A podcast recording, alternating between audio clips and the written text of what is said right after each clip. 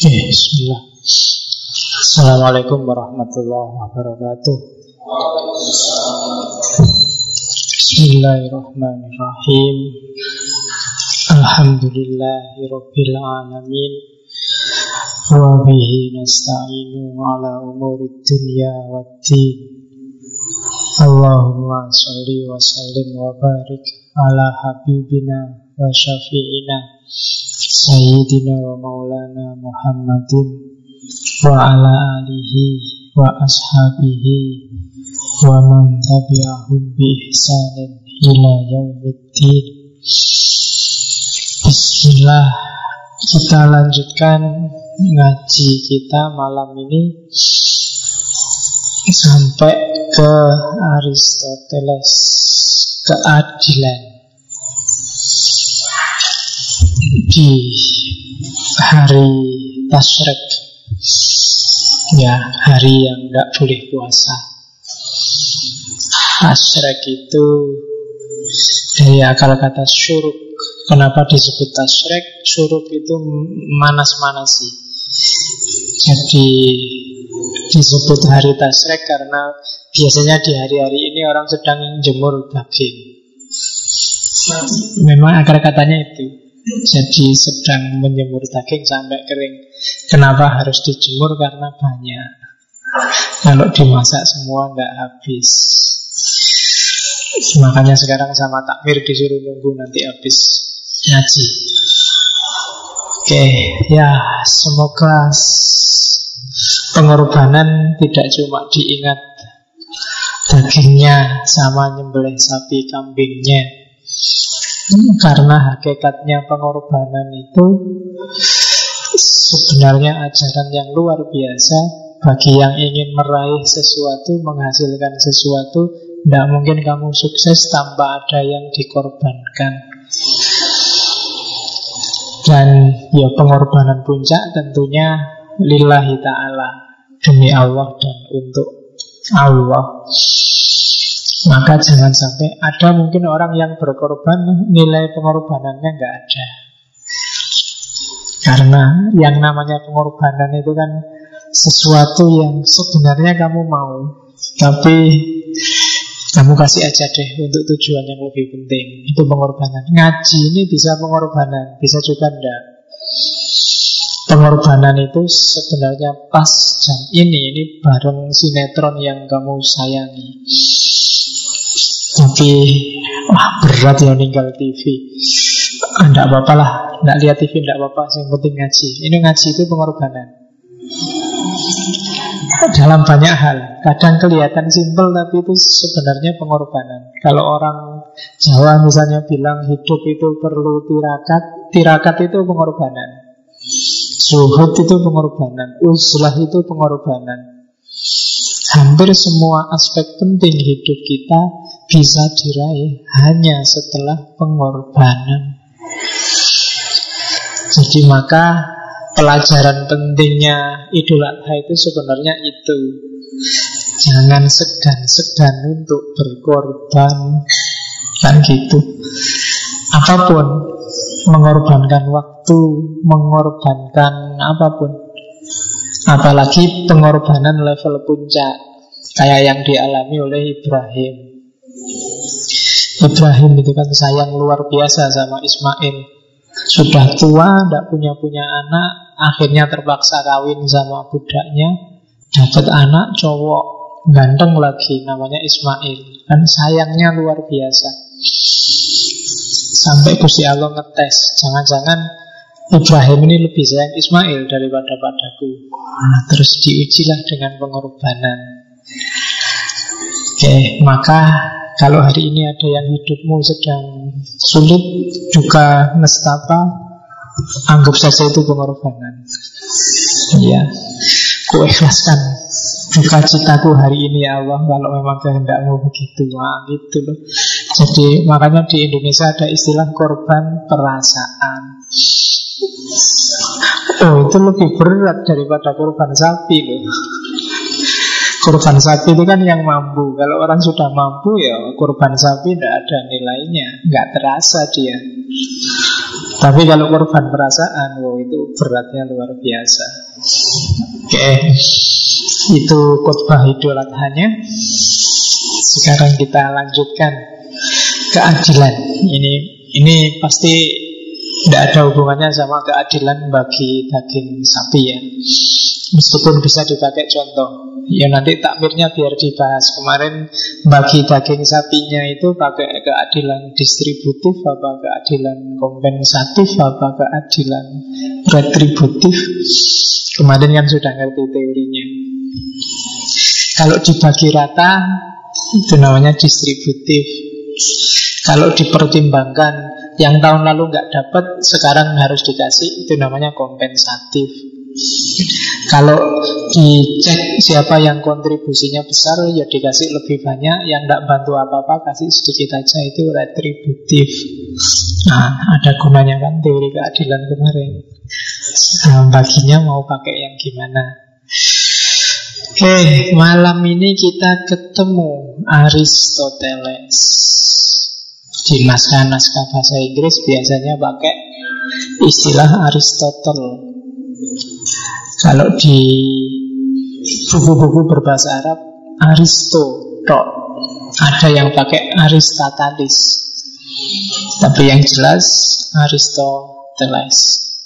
Itu filosof besar Yunani. Ya kalau lidahmu Jawa ya kamu baca aja Aristoteles Ya lawannya Aristogarin nanti Oke, jadi ini salah satu guru besarnya filsafat, salah satu filosof kunci dalam tradisi filsafat. Yang ngaku filosof wajib paham Aristoteles. Kalau belum paham, jangan ngaku dulu. Karena Aristoteles dan gurunya serta kakek gurunya adalah tiga tokoh besar filsafat hampir semua teori filsafat. Sampai hari ini itu inspirasi dan rujukannya bisa ditarik ke pemikirannya tiga tokoh besar ini. Makanya katanya Wittgenstein semua pemikiran filsafat modern kontemporer itu hanya catatan kaki dari pikiran-pikirannya Socrates, Plato, dan Aristoteles. Karena memang luar biasa. Bahkan Aristoteles ini dikenal sebagai bapaknya ilmu pengetahuan. Dia menguasai sangat banyak cabang Fisika, metafisika, IPA, IPS, musik, puisi, retorika, logika Hampir semua cabang dia kuasai. Dan pinternya Aristoteles Dialah yang pertama milah-milah Oh kalau ini wilayahnya ontologi Kalau ini epistemologi Kalau ini logika Kalau ini retorika Kalau ini dan seterusnya. Itu Aristoteles Dia muridnya Plato Plato muridnya Socrates. Ini tiga tokoh besar di dunia filsafat. Gambarnya itu kira-kira. Katanya begitu.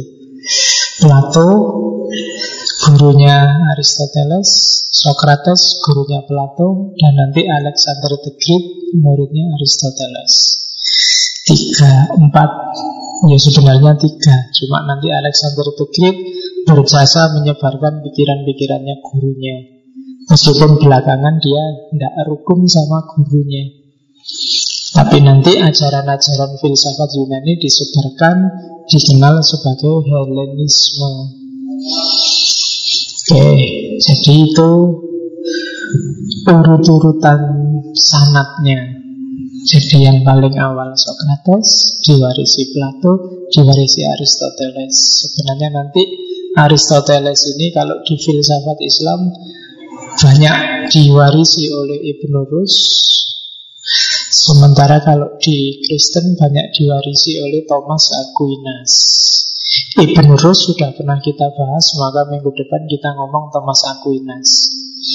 Biar adil Sementara pikiran-pikirannya Plato sebenarnya banyak mirip dengan pikiran-pikirannya Alfarabi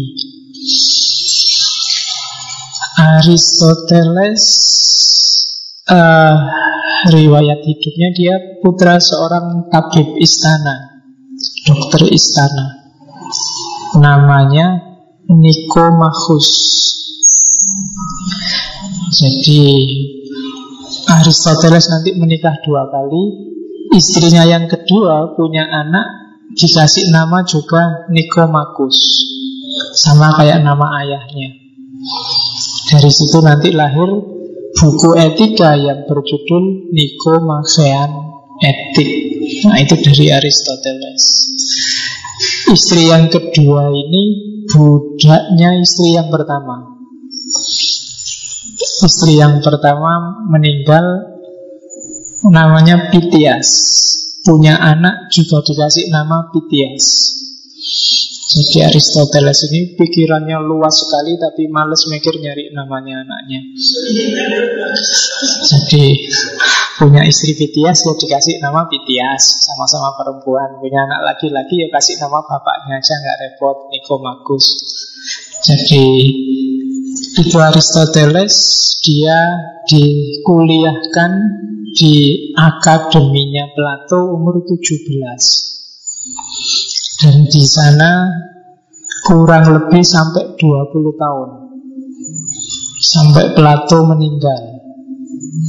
Terus diganti ponaannya dan Aristoteles kemudian keluar dari akademi ditawari oleh Raja Makedonia saat itu ditawari untuk les privat anaknya Alexander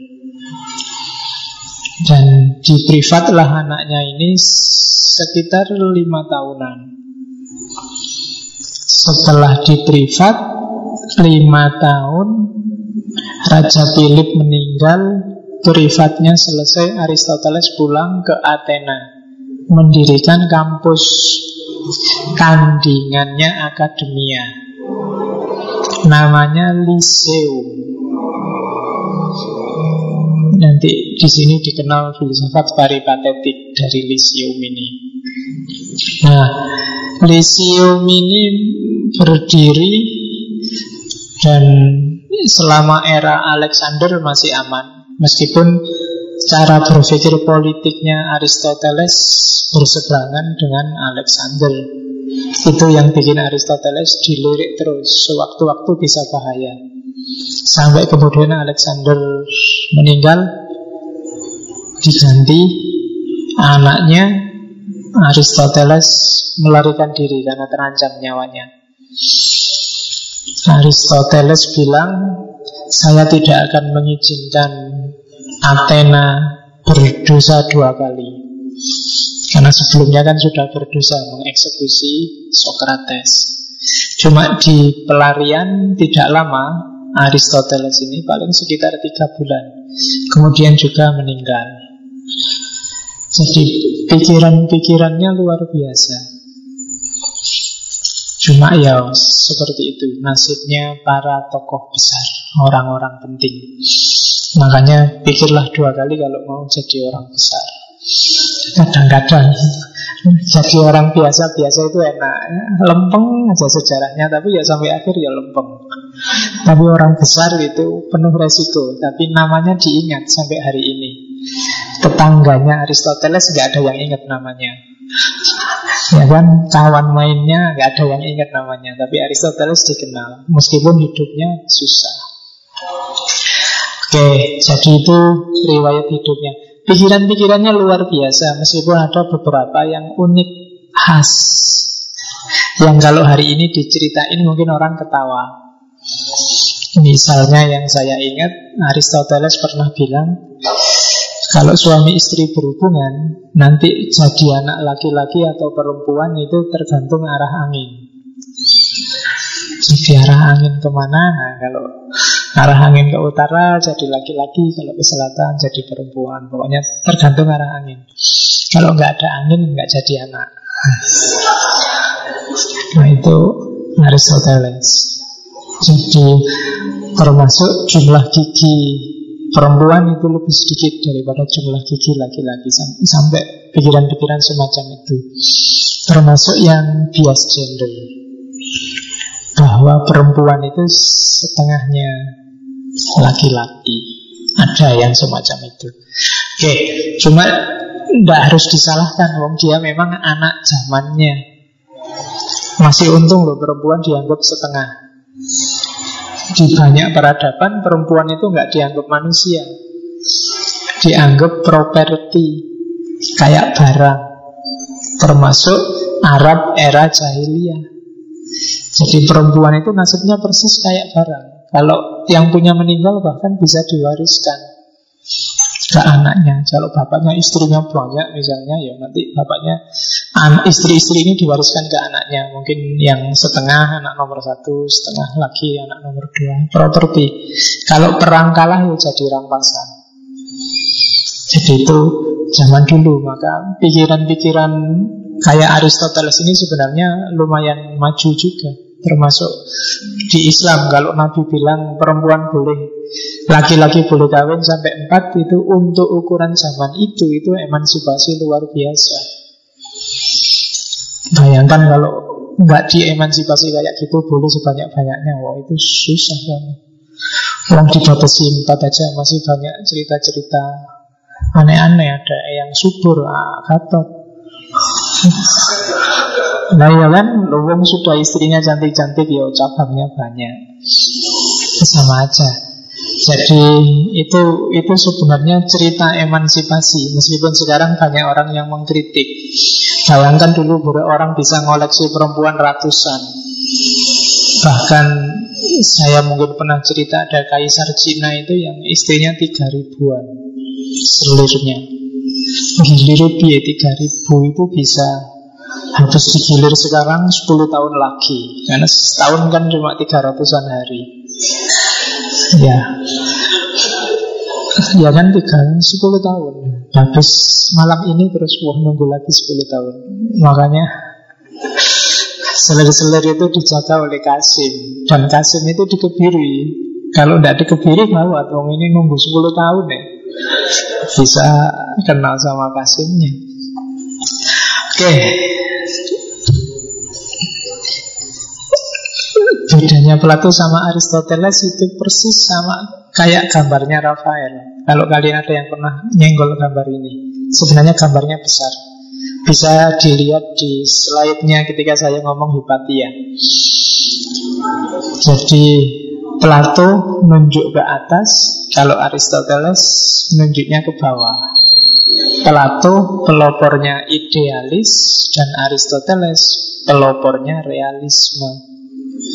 Katanya Plato, pengetahuan kebenaran yang sejati itu diperoleh dari atas, dari refleksi rasional dengan berpikir abstrak.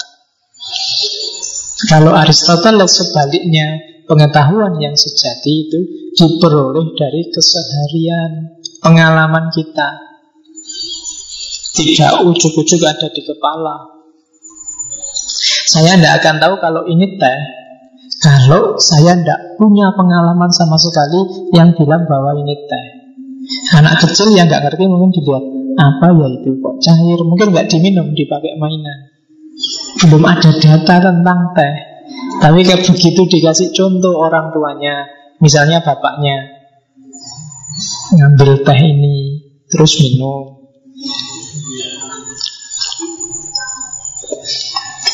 Nah, sekarang dia ngerti bahwa ini bisa diminum. Itulah pengetahuan bagi Aristoteles. Jadi tidak bisa turun dari awang-awang, tiba-tiba ada di sini. Yo, yang ada di kepala itu hanya alatnya. Nanti Aristoteles ada 10 kategori itu kan. Ada substansi, ada aksidensi dan seterusnya. Orang lihat, oh ini substansinya kayu, warnanya coklat. Nah, ini yang olah akal. Tapi dari sini bahannya nggak bisa ujuk-ujuk muncul di sini. Beda sama Plato. Kalau Plato, gambar bentuk mejanya sudah ada di sini. Orang begitu lihat ini, tinggal diinget-inget, oh ini meja. Oke, jadi itu bedanya guru sama murid. Jadi sangat jauh kan yang satu ke atas yang satu ke bawah tapi tidak apa-apa itu berarti Plato guru yang sukses bisa melahirkan murid secerdas Aristoteles. Oke, kita masuk ke pikiran-pikirannya Aristoteles, khususnya tentang keadilan. Keadilan ini tiga orang ini Socrates, Plato, Aristoteles sebenarnya tokoh yang membalik cara berpikir Yunani, cara berpikir rasional dari mikir alam semesta diseret ke ranah mikir tentang manusia, mikir tentang etika. Dari tiga orang ini dikenal, saya ngomong minggu lalu namanya virtu etik. Virtu etik itu etika kebajikan. Beda sama teori etika yang lain. Kalau di virtu etik itu yang namanya kebajikan, keutamaan itu adalah apa menunjuk ke orang. Jadi apa yang biasanya dilakukan oleh orang-orang utama. Jadi bukan teori mana perbuatan yang utama. Itu namanya virtu etik. Orang yang baik dan bermoral itu apa sih yang dilakukan? Itulah moralitas. Itu virtu etik. Jadi arahnya ke kebajikan orangnya, bukan ke perbuatan apa yang baik, perbuatan apa yang tidak baik. Itu kan makanya kalau ada syair tombo ati itu kan ada kalimat wong kang soleh kumpulono. Itu maksudnya apa? Dari mereka kamu dapat pelajaran moral. Jadi orang yang baik. Nah itu saya tidak tahu mungkin yang bikin syair belajar Aristoteles bahwa yang disebut orang baik itu orang yang belajar orang yang meniru perilakunya orang-orang baik. Simpelnya begitu. Kita lihat asumsi-asumsinya sampai nanti mengkerucut pada keadilan. Yang pertama asumsi tentang telos. Telos bahasa Yunani ya, bukan bahasa Jawa. Iya, nanti jangan-jangan telos dalam jumlah banyak namanya telos. Ya, Bukan, itu sama kayak laptop kan? Asu dalam jumlah banyak namanya Asus. Oke. Nanti kamu bilangnya gitu. Padahal maksudnya kan bukan itu. Ada yang bilang Asus itu bukan Asu dalam jumlah banyak Tapi Asu ukurannya kecil Jadi kiri S kan kecil Kalau M sedang L besar. Jadi saya kemarin orang ada punya laptop merek kiri enggak? Laptop merek kiri maksudnya Oh maksudnya Asus. Jadi Asus yang ukurannya kecil. Oh itu filosofis bisa nyampe ke situ itu. Nalarnya panjang sekali nyampe nya ke sana itu kan sama dengan teka-teki Kenapa Superman pakai kaos S? Ya karena kalau M kebesaran kan. Sama dengan itu. Apalagi pakai XL Oke Cuma sebenarnya ya dia harusnya pakai M lah Karena kelihatan masih kekecilan itu kan Meledet sekali, tidak enak. Ya nanti dikasih tahu Superman ukurannya gantilah M atau L Lebih longgar. Oke Terus Telos itu tujuan Maka pikiran apa pun yang fokusnya pada tujuan namanya teleologis. Jadi dilihat tujuannya. Nah, asumsinya Aristoteles segala sesuatu itu pasti ada tujuannya. Tidak mungkin enggak. Pasti ada targetnya. Apa pun tinggal kamu tunjuk. Apa yang terjadi, apa yang ada di dunia ini, tidak ada yang iseng tiba-tiba ada. Apalagi ciptaannya Allah. Tidak ada yang Allah nggak sengaja tiba-tiba kok ada itu nggak ada. Semua pasti ada tujuannya. Tidak ada satu makhluk pun, satu ciptaan pun, satu peristiwa pun yang sia-sia. Yo, Al-Quran banyak mencontohkan. Tapi yang jelas asumsi pertama itu Ini namanya cara berpikir teleologis. Kamu dikasih teh itu tidak sekedar takmirnya iseng Tapi pasti ada tujuannya. Mungkin biar kamu mau datang, biar kamu betah, biar kamu tidak ngantuk Kan masih ada tujuannya. Ada yang milih duduk, nyali ada sendengannya Ada yang nggak dapat sendengan Ada yang Tapi pasti masing-masing punya reasoning Dan biasanya itu tujuannya. Kenapa milih di belakang, kenapa milih di depan Itu pasti ada masing-masing ada tujuannya. Ada telosnya. Nah Terus itu asumsi pertama. Oleh karena itu berarti pasti kita manusia juga punya tujuan dan disiplin keilmuan yang membahas apa sih tujuannya manusia itu itu namanya etika. Jadi disiplin yang ngomong apa dan bagaimana manusia. Tujuannya mau ke mana itu etika. Bedakan etika sama moral ya. Kalau moral itu kamu harus jujur kamu harus tekun, kamu nggak boleh bohong, itu moral. Etika itu levelnya di atas moral. Dia refleksi rasional terhadap moralitas. Etika karena dia levelnya lebih atas, maka pertanyaannya ya mengapa? Mengapa orang harus jujur? Mengapa orang kebanyakan itu? Mengapa kita harus saling menyayangi? Itu etika. Jadi refleksi rasional atas moral. Nah, manusia pasti juga punya tujuan. Setelah bahas panjang, Aristoteles menyimpulkan bahwa hampir semua orang sepakat tujuan hidupnya manusia adalah untuk nyari kebahagiaan. Tujuan puncaknya. Silahkan dicek katanya Aristoteles Lupa ada orang yang targetnya harta ya Pak. Kalau kamu tanya lebih lanjut Kenapa ingin banyak harta? Karena ingin bahagia dengan harta itu. Tujuanmu ingin punya istri atau suami cakep.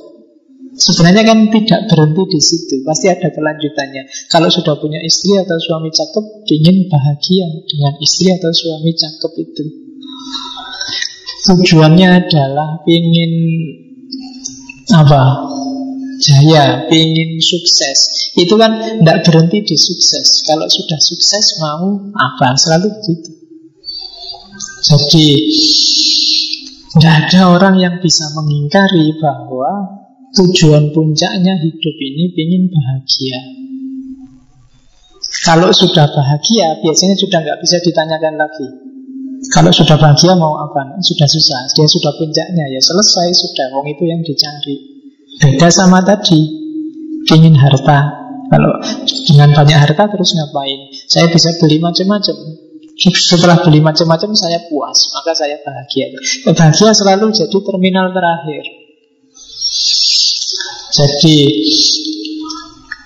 segala sesuatu ada tujuannya, adanya manusia juga pasti ada tujuannya dan tujuannya itu katanya Aristoteles kebahagiaan. Ya kalau orang beragama terus kurang mbak itu itu kebahagiaan dunia dan akhirat. Ya wis rapopo. Yang penting kebahagiaan. Jadi itu katanya Aristoteles. Ya ini kan sebenarnya di Quran kan juga ada kan ada ayat yang bilang afama nakum abasan. Apakah katanya Allah kita ciptain kalian itu hanya iseng saja. Abasa itu kan main-main iseng. Jadi Allah nyindir kita. Emangnya aku nyiptain kamu itu iseng. Serius loh, ada tujuannya. Kejarlah tujuan itu. Kalau dijawab pakai teorinya Aristoteles berarti carilah kebahagiaanmu. Ya boleh kamu sebut kebahagiaan akhirat segala Tapi intinya yang menentramkanmu Yang bikin kamu bahagia. Oke. Terus Socrates wanti-wanti Setelah saya teliti Ternyata Secara umum Orang punya anggapan Ada tiga hal yang bikin dia bahagia di situ kurang satu. Yang pertama kehormatan, yang kedua kesenangan, dan yang ketiga harta. Apa? Kecukupan. Jadi tiga ini banyak orang bilang bisa bikin bahagia. Tapi apa iya katanya Socrates? Coba dicek. Yang pertama kesenangan. Apakah senang itu bisa membawa bahagia? Katanya Socrates enggak. Jadi bahagia yang sejati itu harus bahagia yang jenis manusia. Kesenangan itu membawa kebahagiaan yang tidak berjenis manusia.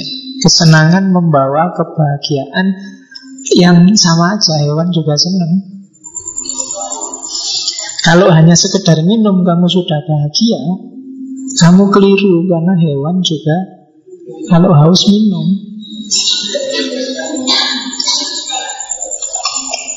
Jadi kesenangan itu tidak membawa kebahagiaan. Awas keliru, sifatnya sangat sementara.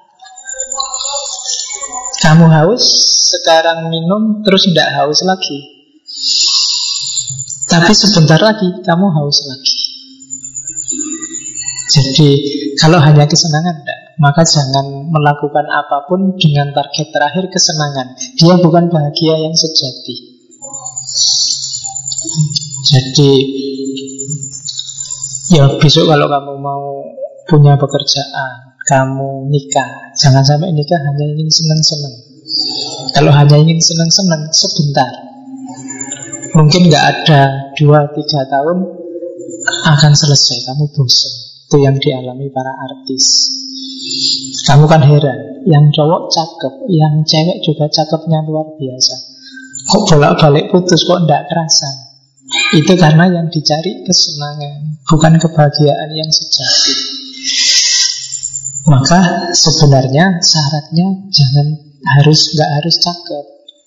Cari yang biasa-biasa, jelek juga terpaksa, tidak apa-apa. Yang penting kamu bisa bahagia, kan gitu. Bukan kan saya sering bilang kalau pasangan jelek kan lebih menenteramkan daripada yang cakep karena nggak bikin khawatir.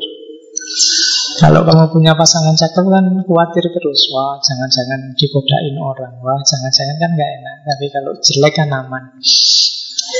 Siapa yang mau godain?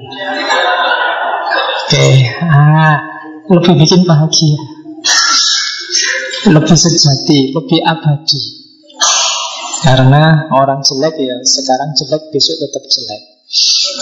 Kalau orang cakep, sekarang cakep, kalau tua jadi jelek. Jadi tidak awet, berubah dia. Tapi yang jelek, Iya, yang jelek kan konsisten. Sekarang jelek, besok lebih dahsyat lagi. Jadi itu kalau kamu nyarinya kesenangan, kamu tidak akan ketemu kebahagiaan. Kehormatan juga begitu. Kehormatan juga ternyata bukan kebahagiaan yang sejati. Dia tergantung orang lain. Kehormatan kan begitu. Dihormati orang, dihargai orang, itu menyenangkan memang. Tapi dia tidak sejati, tergantung orang lain. Dan orang lain ini kan bisa berubah-ubah. Sekarang karena butuh menghargaimu, besok dia bisa mencaci makimu. Jangan ketipu oleh kehormatan. Mungkin sekarang saya ngajari kamu karena kamu butuh, wah, kamu ketemu salaman. Besok mungkin berubah ceritanya. Misalnya ada cerita ternyata Ustadz yang ngajar ngaji filsafat mengamili semua santri-santri perempuan. Wah, ceritanya bisa 180 derajat. Kemarin kamu salaman cium tangan, besok bisa kamu pukuli ya kalau ketemu. Ya kan? Jadi nggak terga, apa tergantung sesuatu di luar dirimu kehormatan itu kamu tidak akan ketemu kebahagiaan katanya Aristoteles kadang-kadang orang sentimen hari ini kan ada haters ada follower ada macam-macam itu kan. Kalau sudah benci ya kamu ngapain aja dibenci? Dan kamu galau gara-gara itu. Sebenarnya nggak usah galau. Kalau kebahagiaan bagimu bukan gara-gara kehormatan. Apalagi kekayaan. Kekayaan juga bukan tujuan puncak. Saya bilang tadi, setelah kekayaan selalu ada target lagi. Berarti dia bukan sesuatu yang kalau kamu ada di situ kamu akan mengalami bahagia. Jadi makanya Plato Aristoteles, Socrates disebut eudaimonia. Jadi etika, virtu etik yang basisnya kebahagiaan. Arahnya bahagia. Tuh. Jadi asumsi pertama hidup ini ada tujuannya, tujuannya adalah nyari bahagia. Ini masih belum ketemu bahagianya apa. Kita cek sekarang fungsinya. Katanya Aristoteles, kalau tadi kan mengasumsikan segala sesuatu ada tujuannya. Sekarang dia bilang, segala sesuatu ternyata ada fungsinya. Apakah itu profesi, apakah itu kedudukan, bahkan bagian tubuhmu, mata, telinga, ternyata ada fungsinya. Ada peran yang harus dimainkan. Jadi tadi ada tujuannya. Tujuan itu kan target akhirnya. Kalau fungsi ini kan main di prosesnya. Jadi ternyata ada tujuan, ada proses. Semua punya karakter itu. Fungsinya teh ini menghilangkan rasa haus dengan cara diminum. Nah, diminum itu fungsi. Nah, berarti manusia juga punya fungsi. Dan fungsinya kalau mencari fungsinya manusia yang sejati, katanya Aristoteles, harus yang khas manusia, bukan yang lain. Yang lain nggak ada. Nah itu makanya di situ ada contohnya makan. Makan berarti bukan fungsinya manusia. Semua makhluk hidup juga butuh makan. Bernafas juga bukan bukan fungsi manusia. Nafas itu otomatis. Apa sih fungsinya manusia? Kan itu yang dicari. Nah, Aristoteles ngecek ternyata fungsinya manusia yang beda dengan semua makhluk yang lain itu ada di akal. Kemampuan untuk mikir reasoning. Makanya ada ada gium yang terkenal dari Aristoteles bahwa manusia adalah animal rasional binatang yang berpikir. Jadi jangan lupa fungsi utamamu itu mikir. Kayak sarannya Cak Lontong. Jadi mikir. Kalau nggak mikir, kamu bukan manusia. Karena tadi kamu adalah binatang yang mikir. Ada yang mikirnya yang bikin kamu jadi manusia. Begitu kamu nggak mikir, berarti tinggal binatangnya. Jadi hati-hati, usahakan akalmu tetap hidup dan waras. Karena begitu berhenti, levelmu turun. Jadi binatang. Makanya hati-hati kalau ada temenmu, aku tidak bisa mikir. Hati-hati itu karena alamat itu sudah. Kalau sudah nggak bisa mikir, tinggal binatangnya. Ya harus ngopong mesti beres. Kalau sudah judek kan biasanya yang dilakukan tidak beres. Maka kalau ada temenmu kayak gitu suruh tenang dulu. Oke bro, tenang, mikir dulu. Gimana caranya akalnya fungsi dulu deh. Jangan memutuskan sesuatu saat akal buntu. Nanti gawat karena yang memutuskan itu biasanya tinggal aspek binatangnya. Yo kalau di manusia binatang itu kan bisa hasrat, ego, ambisi dan macam-macam. Harus tetap dikoordinasi oleh akal. Nah, jadi manusia punya tujuan bahagia untuk mencapainya dia ada alat namanya akal. Perbuatan baik atau tidak baiknya manusia, katanya Aristoteles, kuncinya adalah nalarnya jernih atau tidak. Bisa berpikir rasional atau tidak Perbuatan baik itu adalah perbuatan yang sengaja kamu lakukan hasil refleksimu secara jernih.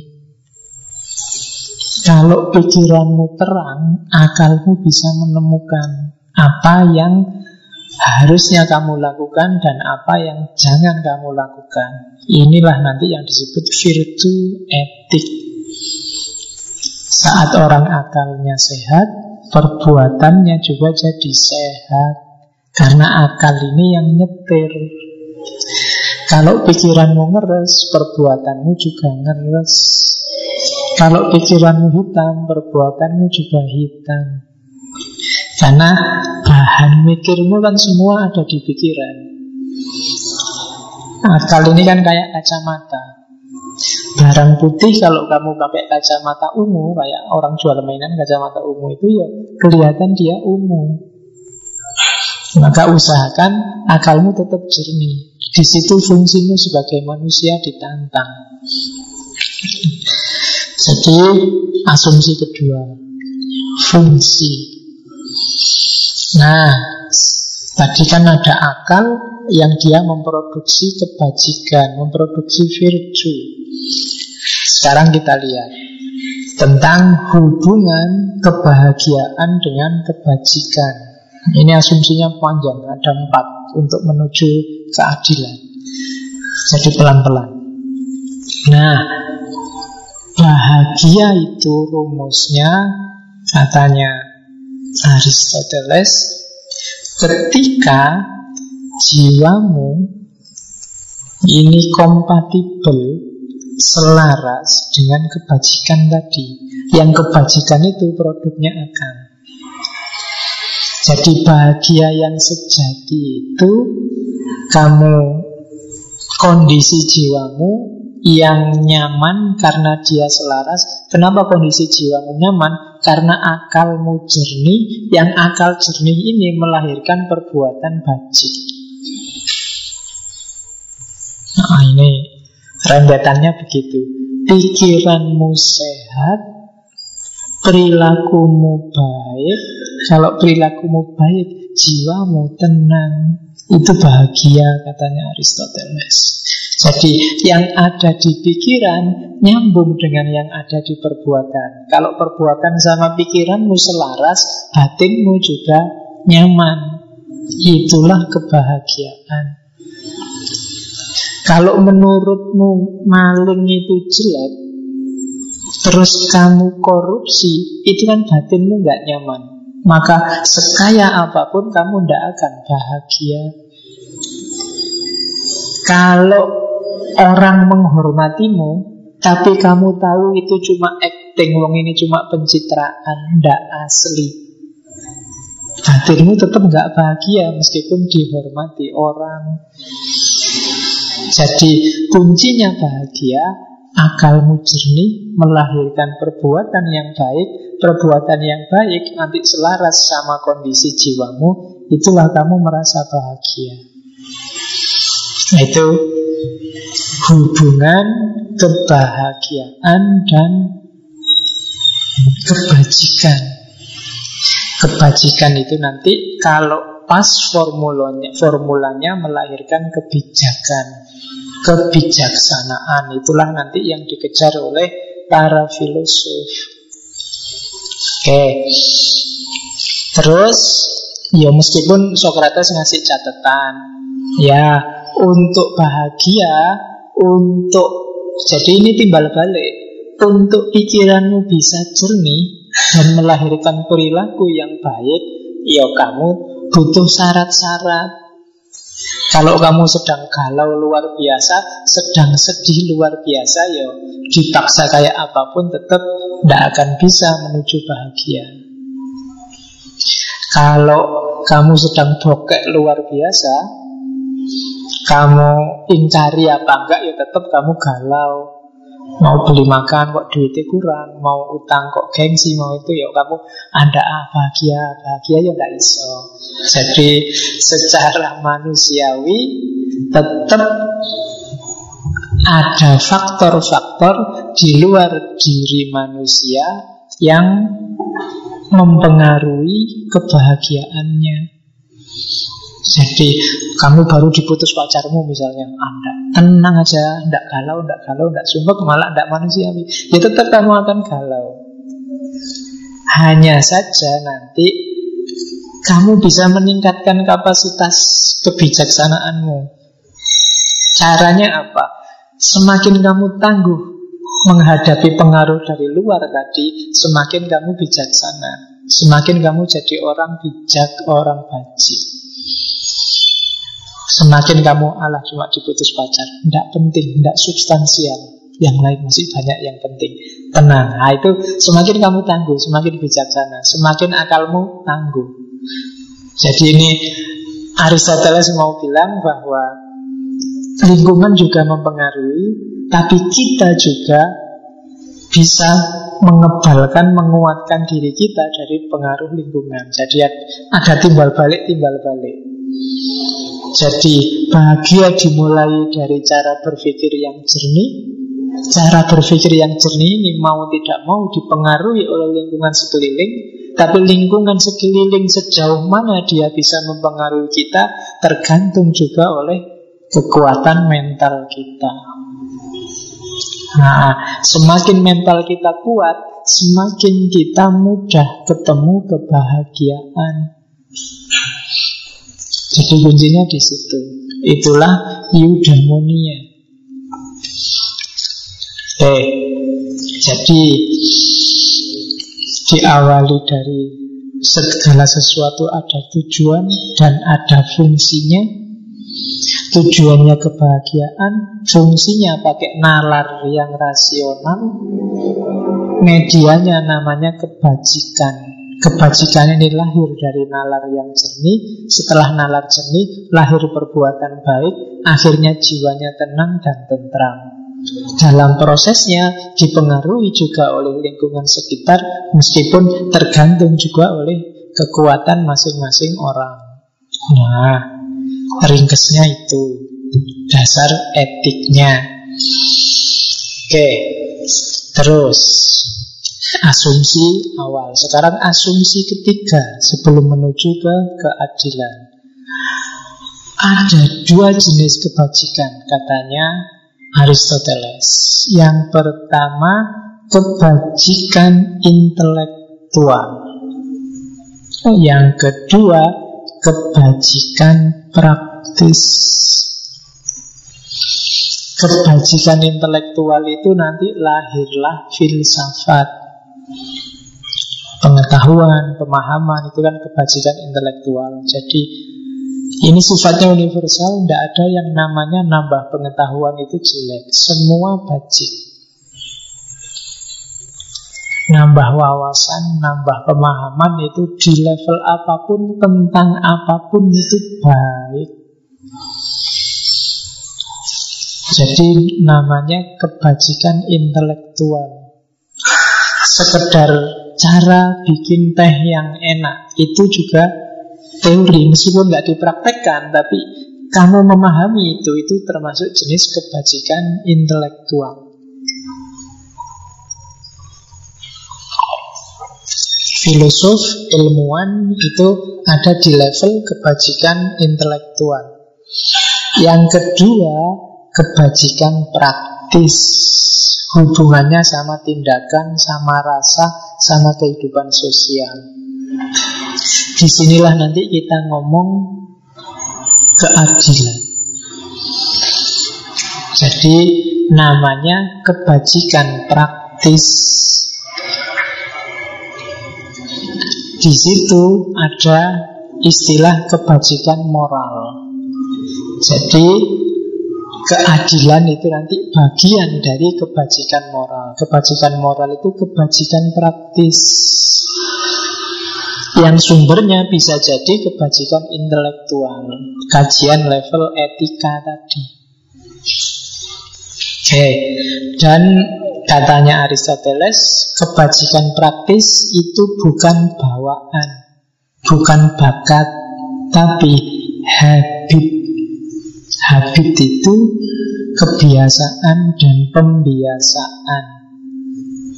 Jadi kamu nggak ada orang oh kamu itu memang bakatnya maling, nggak ada. Nggak ada orang moral itu bukan bakat. Saya itu sejak kecil bakatnya memang jujur bapak enggak. Tidak ada orang yang punya bakat jujur, punya bakat curang, punya bakat tidak ada. Oh, tidak tahu Pak ini jangan-jangan keturunan ya Pak. Suka bohong ini tidak ada.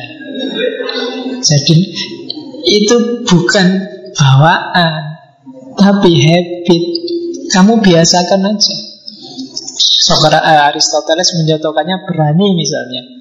Berani itu bukan kok Wah saya itu dari sononya sudah penakut. Ya Pak Enggak. Kamu kalau ingin nggak jadi penakut Jadi pemberani Ya beranilah Lama-lama kamu akan jadi seorang pemberani Karena dia habit. Kalau terbiasa berani, berani, berani Lama-lama ya jadi pemberani. Kalau terbiasa bohong, bohong, bohong Ya kamu lama-lama jadi pembohong. Dia habit Bukan bakat. Jadi tidak ada moralitas itu bakat Tapi kebiasaan Ya, ya coba kamu rasakan ya. Mungkin kamu bohong pertama kali itu rasanya ganjel, tidak enak. Aku kok bohong ya, oh tidak enak. Padahal bohong itu dosa. Kamu bohong dua kali, nggak enaknya mungkin tinggal separuh. Iya, aku kok bohong ya. Tapi kemarin aman kok, tidak apa-apa. Setengah sudah kan. Besok bohong lagi, lebih tenang lagi. Mungkin tinggal seperempat. Ah biasa bohong. Berkali-kali juga tidak apa-apa. Lama-lama kamu jadi habit biasa. Bahkan mungkin lama-lama nggak bohong itu tidak enak. Ah, Aku kok tidak bohong ya hari ini? Gak seru. Enaknya itu bohong. Bisa jadi kayak gitu. Ah kok jujur banget aku. Enaknya itu bohong. Bisa jadi kayak kenapa? Habit. Jadi urusan moralitas itu urusan habit Bukan bakat kalau itu habit, bisa kamu konstruksi, tergantung dirimu. Ingin jadi pengecut bisa, ingin jadi pemberani bisa. Ingin jadi orang yang rajin bisa, ingin jadi orang yang males bisa. Tergantung kamu membiasakannya ke mana. Karena ini sifatnya kebajikan praktis. Pembiasaanmu terhadap hidupmu. Nggak bisa. Pak, saya tekun baca itu. Baru baca dua lembar sudah ngantuk. Enggak kamu biasakan sih. Dia jadinya berat. Jadikan dia habit. Dikit-dikit baca. Kalau dua lembar ngantuk ya tidur dulu Bangun baca lagi kan gitu. Kamu kan nggak ngantuk ya tidur. Terus bangun ya yang lain. Bukunya ditinggal. Jadi biasakan. Kamu pingin apa sih? Pingin pinter nulis. Jadikan nulis habit. Tiap hari nulis kamu pengen pinter bikin puisi, sering-sering bikin puisi, nanti lama-lama habit. Wong kalau dipaksa setiap orang bisa kok. Apalagi cuma bikin puisi. Apalagi yang sedang jatuh cinta. Biasanya otomatis dia jadi romantis sendiri kalau nulis. Nah itu tinggal kamu biasakan aja nanti jadi. Jadi urusan kebajikan praktis itu urusan habit. Oke, terus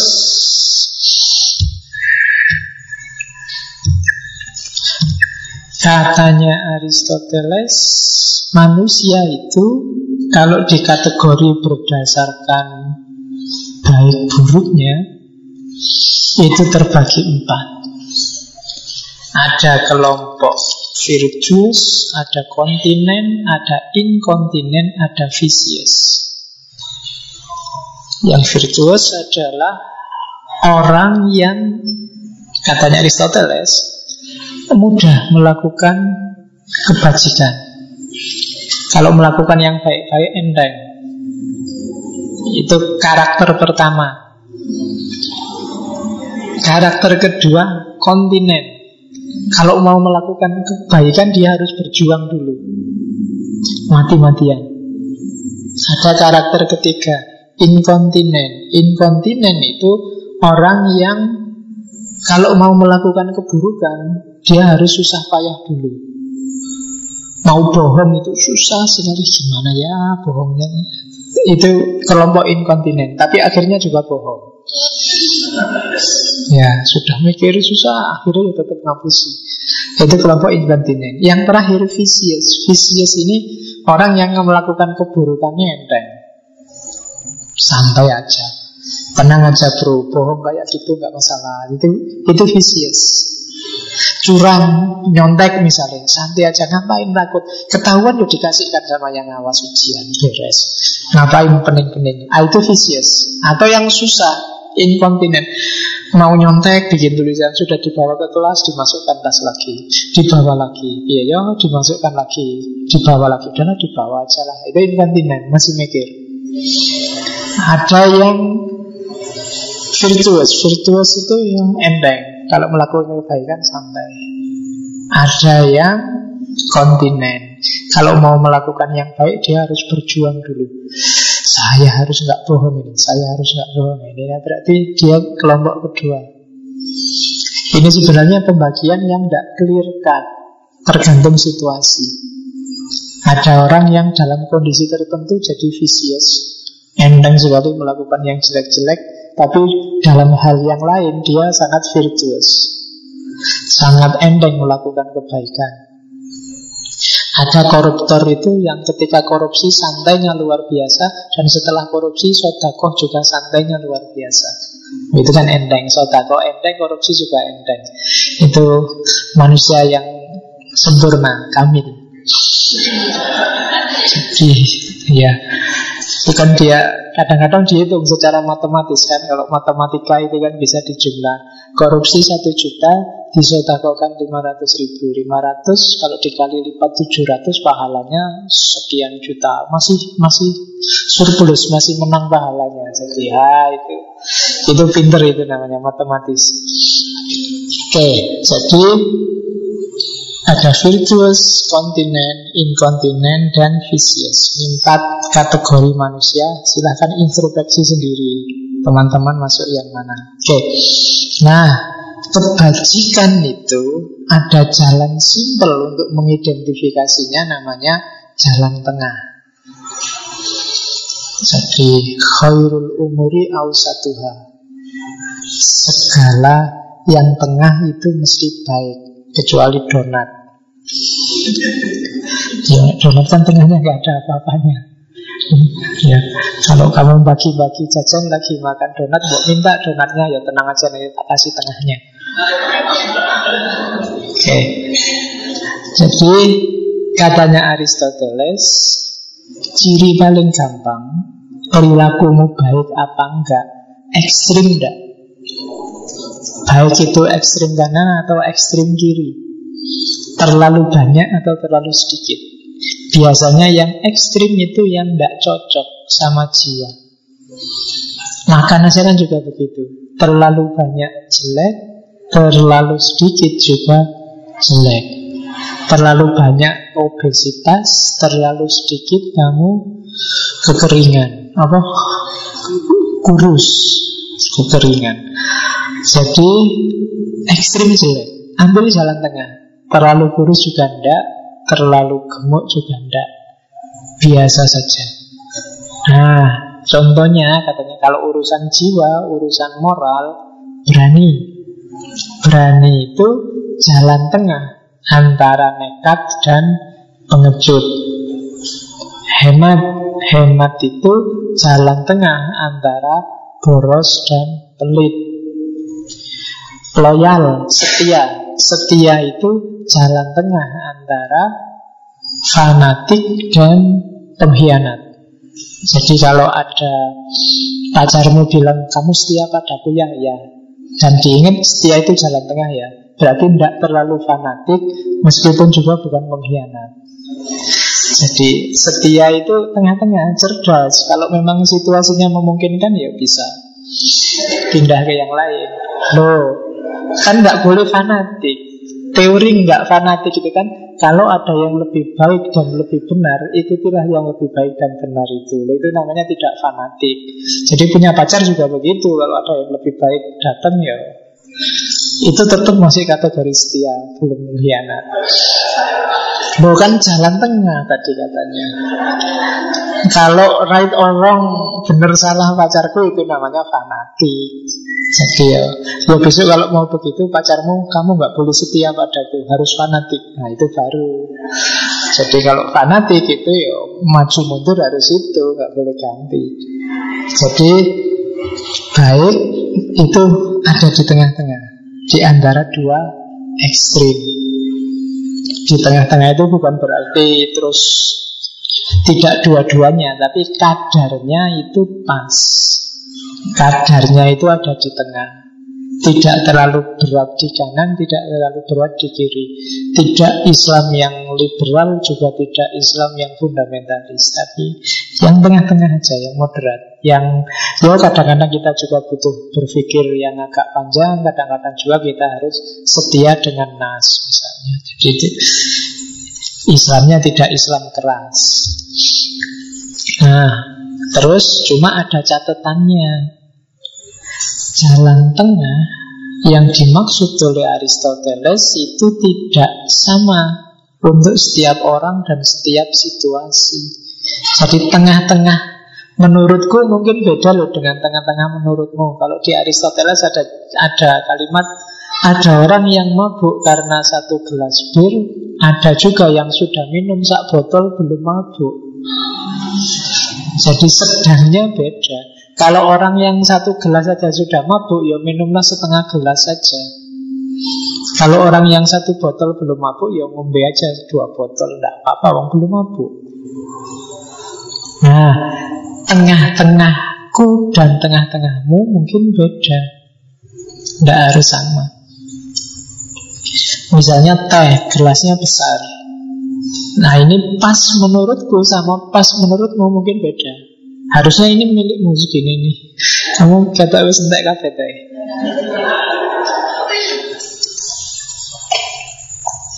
Jadi ada takarannya sendiri. Bagi sebagian orang itu contohnya meloncat kalau ada kebakaran, gedung kebakar terus kamu meloncat ke dalamnya itu bisa jadi kekonyolan, bisa juga keberanian, kepahlawanan. Tergantung. Kalau saya yang loncat ke situ mungkin konyol. Nggak tapi kamu yang tinggi, besar, gagah, tangguh, apalagi jadi pemadam kebakaran itu kepahlawanan. Jadi tengah-tengahku dan tengah-tengahmu itu beda. Tengah-tengah yang duduk di sini sama yang duduk di sini juga pasti beda. Jadi setiap orang punya apa? Kadar, punya standar sendiri yang tiap hari rajin belajar membaca full day. Isinya baca dan nulis saja. Sedang sedang menurut dia dengan sedang-sedang temennya yang nggak pernah baca nggak pernah belajar nggak pernah nulis nggak pernah lihat buku itu pasti beda. Jadi kebaikan itu terletak di jalan tengah. Cuma jalan tengah ini setiap kepala beda-beda setiap konteks beda-beda, setiap situasi beda-beda. Berani zaman sekarang dengan berani zaman dulu mungkin beda. Kalau zaman dulu misalnya zaman Pak Harto, ada mahasiswa teriak-teriak mengkritik presiden, itu pemberani. Tapi sekarang kalau ada mahasiswa ngeritik Jokowi misalnya, wis akeh tunggale. Bukan jenis keberanian. Bedanya di situ. Jadi dulu masuk kategori berani, sekarang mungkin bukan keberanian lagi. Kenapa? Ya karena sudah banyak yang melakukan itu. Sopan zaman dulu mungkin agak beda dengan konotasi sopan zaman sekarang.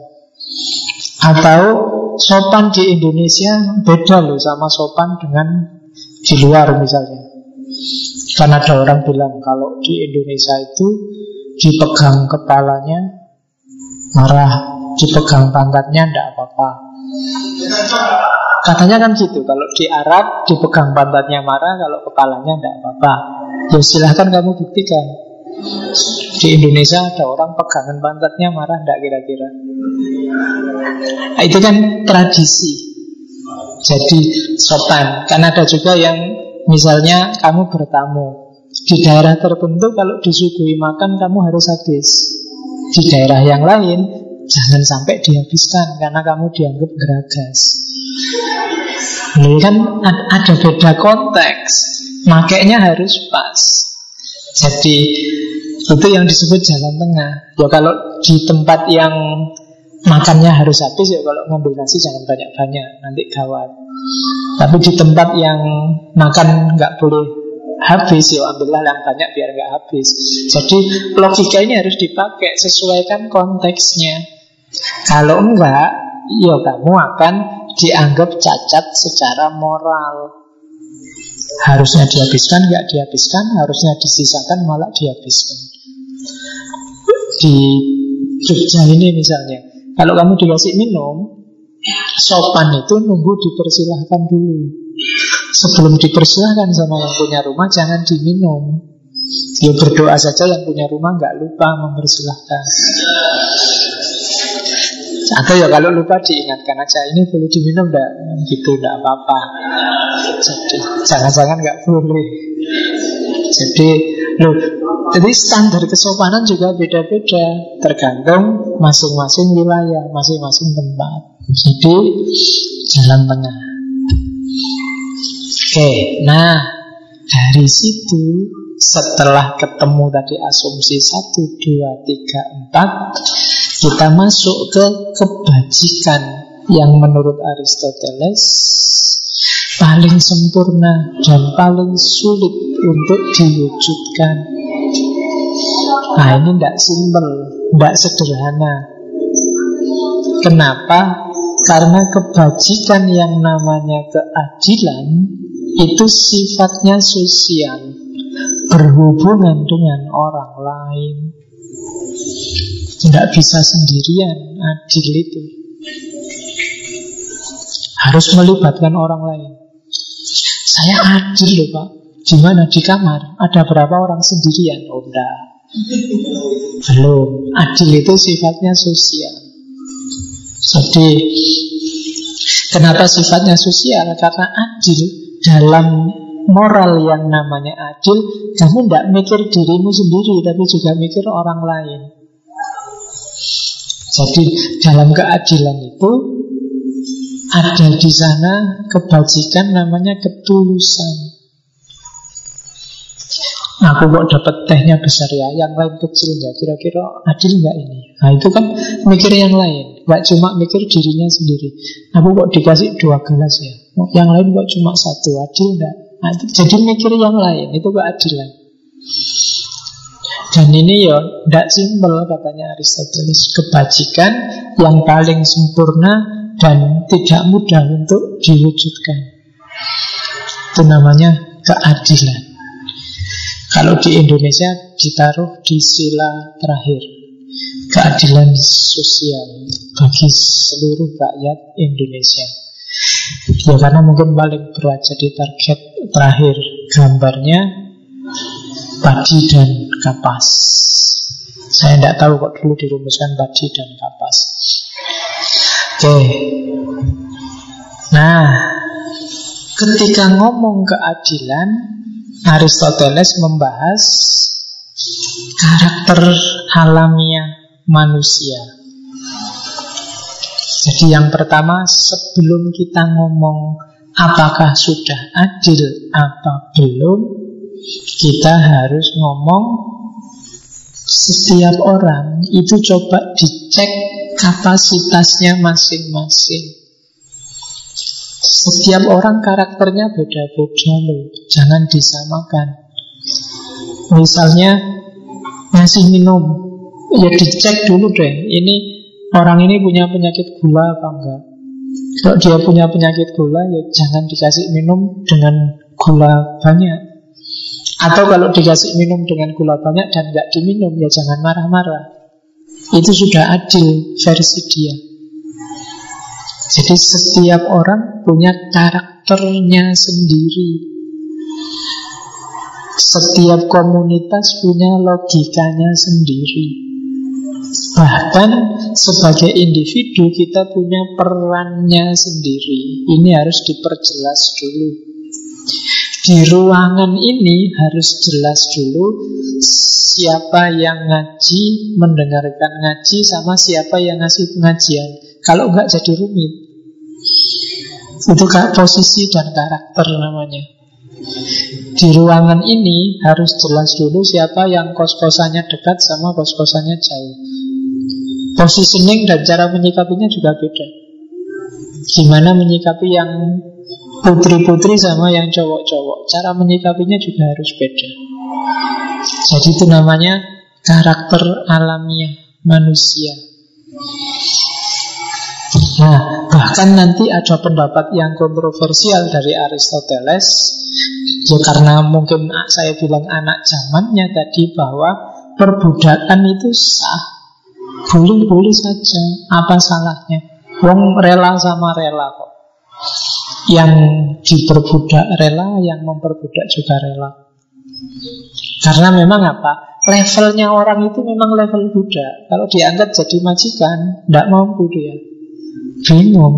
Kayak di Jawa ada cerita Petruk jadi ratu Rusak negaranya Levelnya Petruk itu pun kawan Dia penggembira.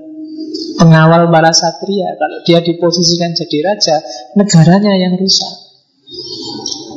Itu namanya karakter alamiah. Kan ada orang itu bakat-bakatan.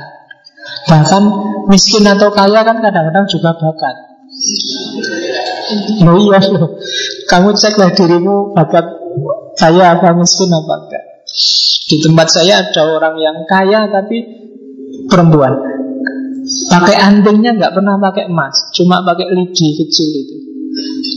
Kenapa? Karena kalau dikasih emas gatel dia. Itu berarti tidak bakat. Tidak bakat jadi orang kaya. Kalian mungkin juga gitu pakai arloji yang dari emas atau dari anu itu gatel malah anda cocok. Berarti bakatmu memang bukan bakat suci kalau punya duit malah stres. Ini duit buat apa ya biasanya? Ya itu berarti memang tidak bakat. Mungkin malah dibuat aneh-aneh. Yang tidak untuk keperluannya. Jadi setiap orang ada cetakannya sendiri. Maka hati-hati. Sekarang kan sok-sok orang diseragamkan Semua anak kecil yang muslim Sekarang bapaknya bercita-cita Anaknya jadi hafid. Dan hafidho Oh nek, nek bagi saya itu tidak cerdas. Ini dulu dong Cetakan anaknya apa? Jangan-jangan nanti jadi stres. Kalau tidak sesuai peruntukannya kan Malah miss. Ada kan yang dipaksa masuk pondok Iya tahan di pondok Tapi sambil ngancam Awas besok kalau keluar. Ya Pokoknya marah balas dendam Pokoknya harus seneng-seneng saat tapoe Oh itu juga gawat. Jadi harus dibaca dulu. Kayak ahli persilatan itu loh Kalau nyari murid kan dicek dulu struktur tulangnya. Cocok apa enggak jadi ahli pesilat jadi Karena memang setiap orang ada takarannya sendiri. Kalau di Aristoteles yang bakatnya Buddha Mbok dipaksa jadi itu tidak akan bisa. Kan ada cerita zaman Harun al-Rasyid itu kan Orang yang Saya lupa ada seorang sufi yang Punya teori ini bahwa Setiap orang itu ya kalau sudah Jatahnya kaya dia akan kaya. Kalau miskin ya tetap miskin. Akhirnya Harun al-Rasyid ngetes Dipanggillah orang Paling miskin di kota itu. Orang ini dikasih hadiah karena sampai yang tak panggil ke sini tak kasih hadiah emas harta benda banyak dimasukkan di dalam semangka oleh Harun Arasid. Gini kamu tak kasih hadiah semangka bawa aja pulang. Di tengah jalan dia mengeluh capek-capek ketemu presiden, ketemu raja cuma dikasih semangka kayak gini. Neng kebun gue ya oke. Terus dijual semangganya. Begitu dijual baru yang beli wah ternyata isinya emas Menyesal orang yang miskin ini Waduh Ternyata isinya Bukan emas. Eh, Ternyata isinya bukan semangka tapi emas. Nah besoknya dipanggil lagi oleh Harun al-Rasyid Sekarang dites lagi. Karena tadi dijual Sekarang dikasih semangka banyak. Biar kalau dijual dapat uang banyak. Sehingga di jalan dia nggak mau jual. Wah ini semangkanya banyak. Kalau kalau di isinya emas semua untung Jadi nggak dijual Sampai di rumah kan karena rumahnya jauh dia ini beberapa semangkanya sudah busuk, tidak apa-apa, yang penting nanti isinya emas. Sampai di rumah, ya busuk semua semangkanya, dan isinya ya tetap semangka. Jadi memang kaya miskin itu sudah ada bakatnya masing-masing. Oke, dan itu kan sesuai dengan teorinya Aristoteles. Jadi kamu tidak usah galau kalau ternyata besok wah ternyata nggak jadi konglomerat kaya raya, berarti memang jatahnya segitu. Tidak apa-apa, kan malah enak. Kamu tidak usah galau, tidak usah ambisi macam-macam. Oke, terus Aristoteles kemudian memperkenalkan tadi kan ada intellectual justice, eh, kebajikan intelektual sama kebajikan praktis. Kebajikan praktis itu kebajikan moral. Nah, kebajikan moral itu isinya dua, isi antara lain. Jadi keadilan moral ada dua. Yang pertama universal justice, yang kedua particular justice. Kebajikan moral itu yang universal apa sih? Keadil, kebajikan moral itu ya keadilan yang universal. Semua jenis kebajikan, semua jenis moralitas akan melahirkan keadilan. Itu universal justice. Kalau kamu jujur, kalau kamu dapat dipercaya, kalau kamu suka membantu orang lain, kalau kamu menghormati yang tua, menyayangi yang muda, akan lahir tatanan yang adil dalam hidup kita. Kerusakan ketidakadilan dalam hidup kita ketika orang melanggar nilai-nilai moralitas. Kalau ada kekacauan, ada kerusuhan, ada ketimpangan, ada kesenjangan, pasti lahir karena ada pelanggaran moralitas di situ. Jadi ada universal justice, ada particular justice. Universal justice itu ya moral itu. Moralitasmu itu, akhlak itulah. Nanti yang melahirkan keadilan secara universal. Maka jadilah orang berakhlak biar dunia ini tertib.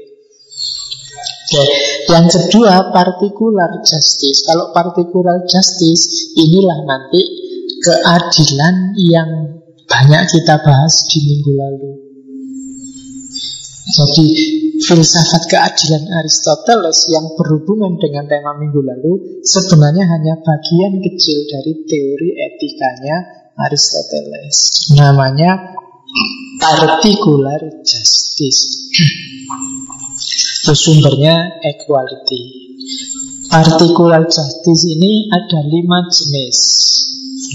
Yang pertama keadilan komutatif.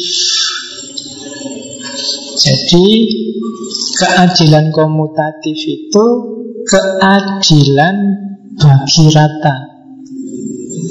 Keadilan dengan cara equality. Semua dapat jatahnya. Itu komutatif. Teh ini dibagi pada siapa pun yang datang malam ini Itu namanya keadilan komutatif. Dengan jatah yang sama.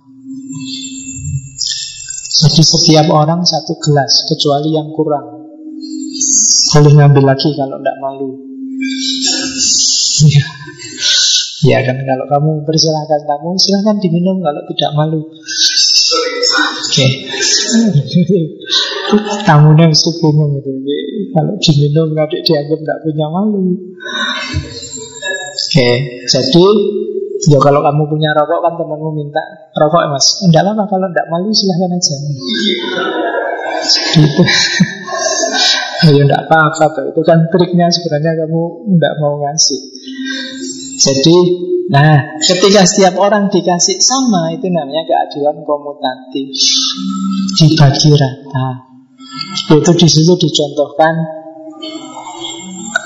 di kelas misalnya Barang siapa yang ngumpul makalah nanti nilainya A.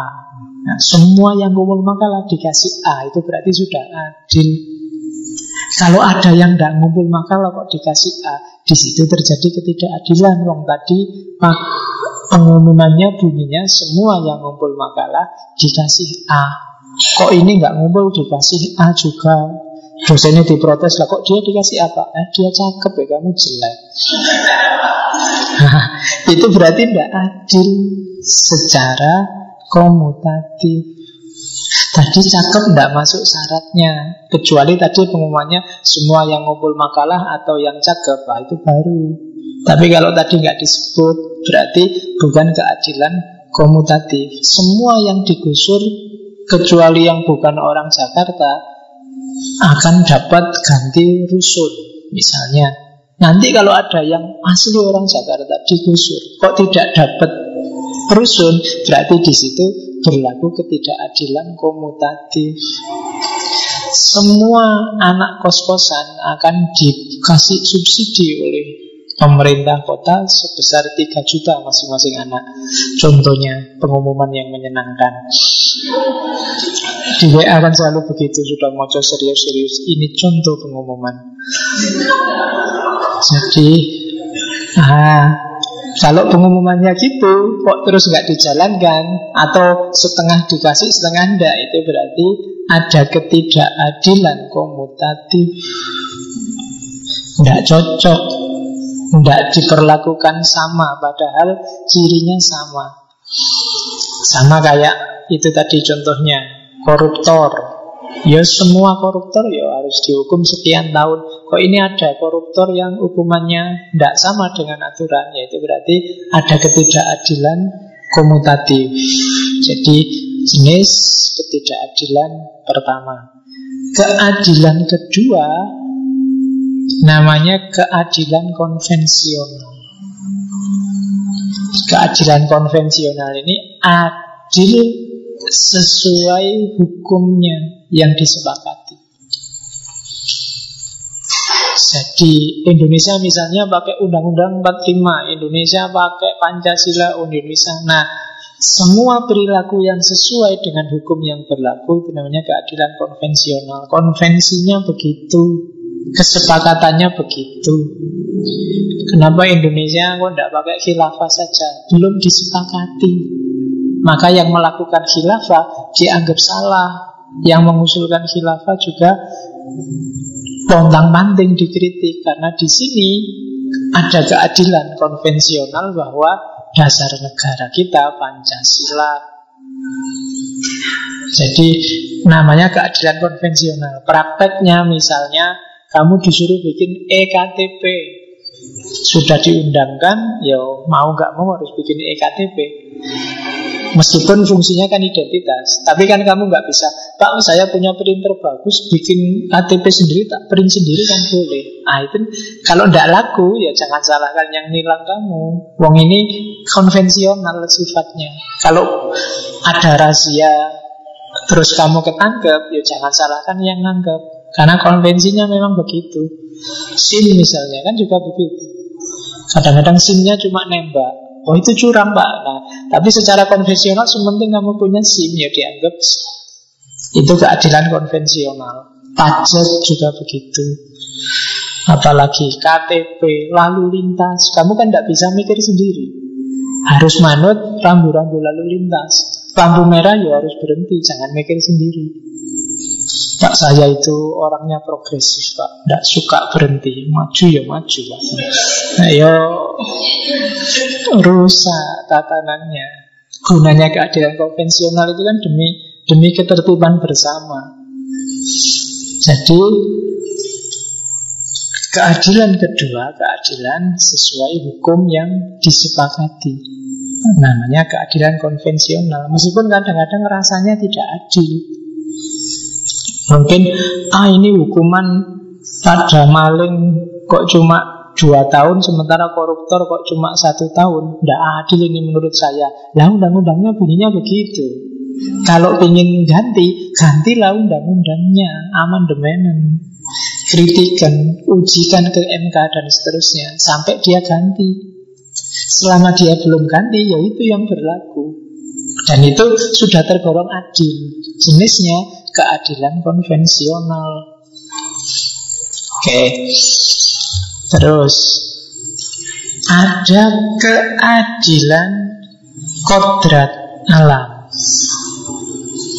Jadi ini keadilan yang berhubungan sama fitrah. Contohnya misalnya ada hukum kalau kita menyebutnya sunnatullah. Ya yang rajin belajar mesti nanti jadi pinter. Yang males ya ketinggalan. Nah ini sudah kodrat. Ini namanya keadilan kodrat alam. Keadilan sunnatullah. Ya mungkin sekali-sekali ada yang Males tapi hidupnya sukses. Tapi dia di luar ini, di luar keadilan kodrat alam. Jadi kodrat alam itu juga punya keadilannya sendiri. Ada sunatullahnya hidup ini. Kasus keadilan kodrat alam misalnya. Kenapa sih kok banyak yang mengkritik jangan LGBT jangan kawin cowok sama cowok, cewek sama cewek karena sunatullahnya tidak begitu. Pendapat ini bisa didukung dengan keadilan kodrat alam. Kalau itu memang agak nggak cocok sama teorinya, ya berarti dia tidak tidak fitro. Ya kalau menyeleweng ya berarti mari kita luruskan kan gitu. Jangan cowok sama cowok, cewek sama cewek lebih mengkhawatirkan. Jadi teori keadilan kodrat alam. Kamu nuakal terus dihukum, ya jangan marah karena secara kodrat orang salah itu harus dihukum. Itu keadilan kodrat alam. Nanti banyak dibahas ini di minggu depan. Thomas Aquinas. Karena teori-teori kayak gini dekat sama agama. Kita lihat minggu depan. Terus ada keadilan perbaikan. Remedi. Remedi itu perbaikan itu. Jadi keadilan yang apa? Mengembalikan ketidakadilan. Kalau sebelumnya ada ketidakadilan terjadi, harus diperbaiki, direhabilitasi. Itu namanya keadilan remedi. Kalau ada orang dihukum padahal dia nggak salah, harus ada balasan dari tadi dia dihukum. Harus ada bayarannya, harus ada imbalannya. Itu namanya keadilan perbaikan. Namanya harus direhabilitasi lagi. Itu namanya keadilan perbaikan. Kalau ada orang mencemarkan nama baik orang lain, dia harus dituntut. Nah itu boleh. Alasannya apa? Ini keadilan perbaikan. Namaku yang baik-baik kok kamu cemarkan. Jadi ini namanya keadilan perbaikan. Memperbaiki yang atas keadilan yang sudah tidak ter sudah terjadi. Kalau terjadi ketidakadilan, ya sekarang dibalik, dikembalikan lagi biar adil lagi. Itu namanya keadilan perbaikan. Dan ya yang agak panjang dibahas oleh Aristoteles ini keadilan distributif. Keadilan distributif itu keadilan membagi menerimakan sesuatu sesuai dengan parameter-parameternya. Jadi distribusi itu misalnya untuk semester ini semua mahasiswa yang berprestasi akan dapat imbalan. Nah itu harus rata distribusinya. Kalau aturan di perusahaan ini karyawan yang sudah kerja 10 tahun lebih gajinya harus naik 50%. Itu harus rata distribusinya. Semua yang sudah kerja 10 tahun lebih dia harus dapat imbalan yang sama. Itu namanya keadilan distributif. Cirinya apa? Keadilan distributif itu yang pertama adil kalau tidak memihak, imparsial. Tidak ada sentimen-sentimen, lebih suka. Jangan sampai ada misalnya kayak tadi Semua mahasiswa yang berprestasi akan dapat imbalan. Tapi akhirnya dipilih yang kelompoknya saja itu imbar berarti memihak. Pasti itu tidak adil. Jadi tidak memihak golongan. Yang kedua equal harus diperlakukan setara tidak boleh ada yang tidak sama kemudian harus legal sesuai aturan lawful lawful itu ya harus sepenuhnya berdasarkan aturan yang dipakai Terus harus fair. Fair itu layak, sepadan, itu fair. Makanya ada fair play. Fair play itu ya kalau salah ngaku salah, jangan wasitnya dimarah-marahin. Itu namanya nggak fair. Jangan nggak jatuh pura-pura jatuh. Itu namanya nggak fair. Jadi fair itu layak, sesuai, cocok. Jangan melakukan sesuatu yang nggak cocok. Terus equitable, wajar secara moral. Jadi wajar itu ya nanti parameternya rasio masuk akal atau tidak masuk akal. Dan right, right itu benar. Jadi imparsial, equal, legal, lawful, fair, equitable, dan righteous. Jadi tidak memihak, sama rasa, sama rata, bersifat hukum, sah secara hukum, layak, wajar, dan dalam konteks kebenaran. Nggak boleh ada distribusi kejelekan.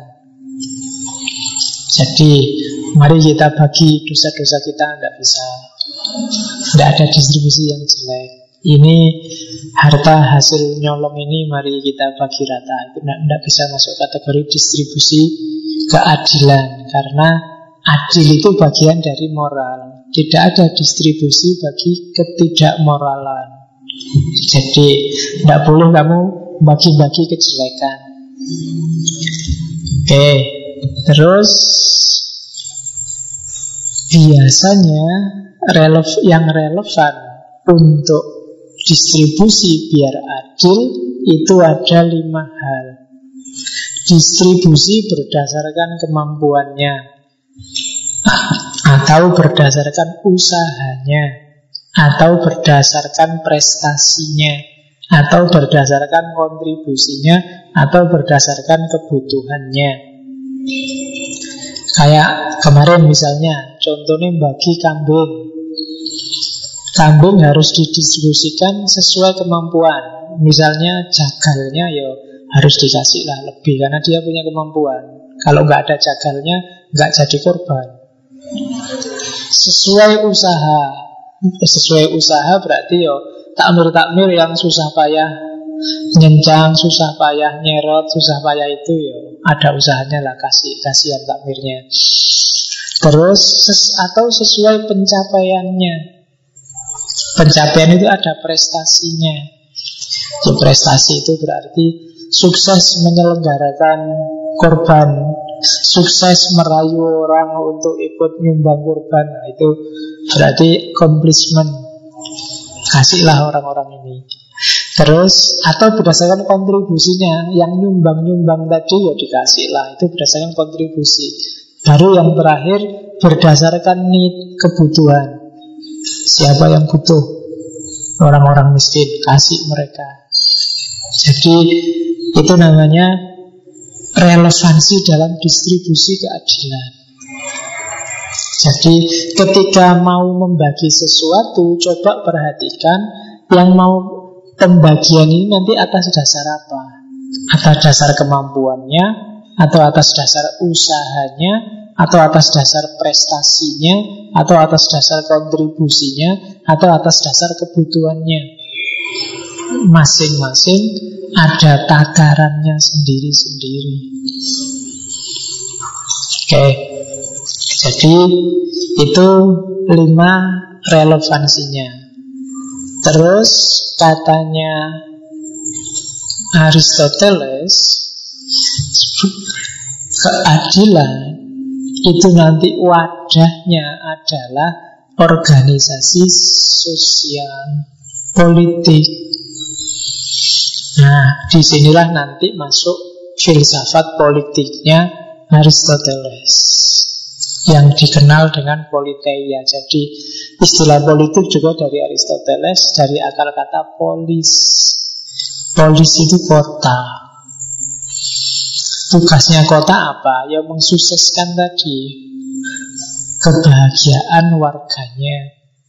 Yang kebahagiaan itu diperoleh dari pikiran yang jernih yang menghasilkan perbuatan yang wajib yang bermoral dan di antara moralitas itu adalah keadilan. Jadi keadilan itu hanya subbagian dari filsafat sosial dan filsafat politiknya Aristoteles. Jadi setelah tadi ada distribusi lah, ada kodrat alam lah, ada macam-macam. Sekarang dilihat konteksnya dalam government. Ini teori yang Aristoteles harus berhadapan dengan mantan muridnya Alexander ketika dia ngomong politik. Oke, kita lihat analisisnya Aristoteles ya tentang pemerintahan. Pemerintahan yang kayak gimana sih yang memungkinkan keadilan itu? Nah, nanti bagi Aristoteles pemerintahan terpilah dua. Ada good government, ada bad government. Ini kan istilah-istilah yang populer dulu zaman SBY. Good government. Kalau zaman Jokowi yang terkenal itu anu, kerja, kerja. Ya. Pokoknya ngapain aja kerja, nggak ada yang bayari juga nggak apa-apa, yang penting kerja ya. Oke, nah kita lihat ya mana pemerintahan yang baik, mana pemerintahan yang jelek. Secara umum model pemerintah kekuasaan itu kan ada tiga ada monarki, ada aristokrasi, ada demokrasi. Monarki itu dipimpin oleh satu orang. Kalau aristokrasi dipimpin oleh sekelompok orang yang dianggap pilihan terbaik. Kalau demokrasi dipimpin oleh semua orang. Dalam tanda petik kan melalui perwakilan nantinya kan kalau hari ini. Jadi kalau demokrasi itu kayak Indonesian Idol itu demokrasi. Nggak bisa nyanyi nggak masalah asal yang SMS banyak itu demokrasi meskipun suaramu jelek tapi kalau banyak orang SMS kamu bisa menang itu demokrasi kalau monarki itu yang menilai juri nyari juara satu saja. Biasanya orang yang paling top yang ada di situ. Kalau aristokrasi itu kelompok, tim. Jadi nyari kelompok orang. Kalau zaman dulu ya aristokrasi itu berarti kelompok bangsawan misalnya. Tidak mungkin kamu jadi raja kalau tidak bangsawan. Kalau bukan orang-orang pilihan. Kalau nggak punya darah biru itu jenis aristokrasi. Meskipun dalam konotasi modern bisa disimpulkan ya orang-orang terbaik. Misalnya ini yang memerintah Indonesia harus kelompok orang yang ngerti ekonomi, harus kelompok orang yang ngerti IT, harus dokter di bidang apa itu. Biasanya kelompok-kelompok elit yang dipilih sekelompok. Tapi kalau demokrasi ini biasanya bagi-bagi suara. Partai apa, suaranya berapa, jatah kursinya berapa. Itu cirinya demokrasi. Oke, nanti jenis-jenis pemerintah ini ada jebakannya kalau bahasanya Aristoteles. Monarki yang jelek akan melahirkan tirani. Jadi kalau kamu milih raja, kok ndak pas, wassalam akan jatuh pada tirani hidupmu akan didiktatori habis-habisan oleh satu orang ini makanya hati-hati kalau tidak usah tanya Indonesia sekarang apa? Indonesia itu ada demokrasinya ada aristokrasinya ada monarkinya. Tinggal kamu milih untuk situasi apa kamu ngomongnya. Jadi hati-hati. Kalau monarki jebakannya bisa tirani. Kalau sudah tirani ya susah adil. Jadi ya keadilan ya akan mungkin muncul karena suara hanya dari satu orang. Nah, saya lupa ya, ada teori yang bilang bahwa Indonesia hari ini tuh masih belum cocok demokrasi. Cocoknya monarki, asal rajanya yang pas, yang baik. Kayak Plato bilang, makanya di situ Aristoteles menyebutnya best. Aristoteles nggak suka demokrasi. Bagi dia monarki bagus asal rajanya top. Kalau Aris, eh, kalau Plato bilang raja filosof, king philosopher, tidak mungkin jelek sudah. Tidak ada filosof yang jelek. Karena teorinya di depan tadi. Orang yang mikirnya jernih, perilakunya pasti bermoral. Dan oh, hanya orang bahagia yang bisa ngajak orang untuk bahagia. Kalau dia sendiri sumpah raiso. Jadi lebih enak dipimpin raja yang bagus. Cuma ini susah nyarinya. Orang yang benar-benar qualified. Oke, jadi kenapa? Karena begitu kita salah pilih, jatuhnya tirani. Kalau sudah tirani, seluruh negara diatur sesuai keinginan satu orang. Keadilan pasti tidak akan jalan. Yang kedua, aristokrasi. Aristokrasi ini rasional. Bahkan bagi Aristoteles, aristokrasi ini terbaik. Jadi milih orang-orang pilihan disuruh ngatur negara. Tapi hati-hati, aristokrasi bisa terjatuh pada oligarki. Oligarki itu ya orang-orang pilihan ini mikir untuk kelompoknya sendiri. Mikir untuk grupnya sendiri, untuk partainya sendiri. Ketika yang menguasai partai A, maka diaturlah semua posisi untuk partai A, keuntungan sebagian besar masuk partai A. Itu jebakannya aristokrasi. Sebenarnya bagus. Hanya orang-orang elit yang ahli di bidangnya yang diangkat. Tapi jatuhnya oligarki. Kayak di keraton zaman dulu, hanya orang-orang bangsawan yang bisa jadi pejabat. Orang biasa harus susah payah jadi prajurit dulu, ngelamar dulu, dites dulu, kalau sudah lama baru bisa jadi tumenggung, baru bisa jadi. Dan rakyat ditarik pajak untuk menghidupi ini kelompok elit ini. Dan jadi jebakannya oli, oligarki. Oligarki itu sedikit lebih jelek daripada tirani. Karena kalau tirani yang dibelain satu orang, kalau oligarki beberapa orang, sekelompok orang. Demokrasi juga begitu. Dia bisa ada jebakan demokrasi, demokrasi juga. Namanya mob. Jangan salah, suara terbanyak itu tidak pasti keputusan terbaik. Kalau orang se-Indonesia sepakat bahwa misalnya sebebas itu boleh, maka sebebas jadi boleh. Wong disepakati orang se-Indonesia kok. Jadi kelemahannya demokrasi di situ. Kalau orang Indonesia bilang narkoba boleh, narkoba bisa jadi halal. Ini kelemahannya demokrasi. Jadi suara terbanyak tidak selalu menghasilkan keputusan terbaik. Jadi dan yang warnanya pink itu sebelah kanan itu pasti di situ tidak akan ada keadilan. Di yang terakhir demokrasi Semua suara didengarkan Sistem tapi tidak akan jalan Mesti kacau. Jadinya anarkis.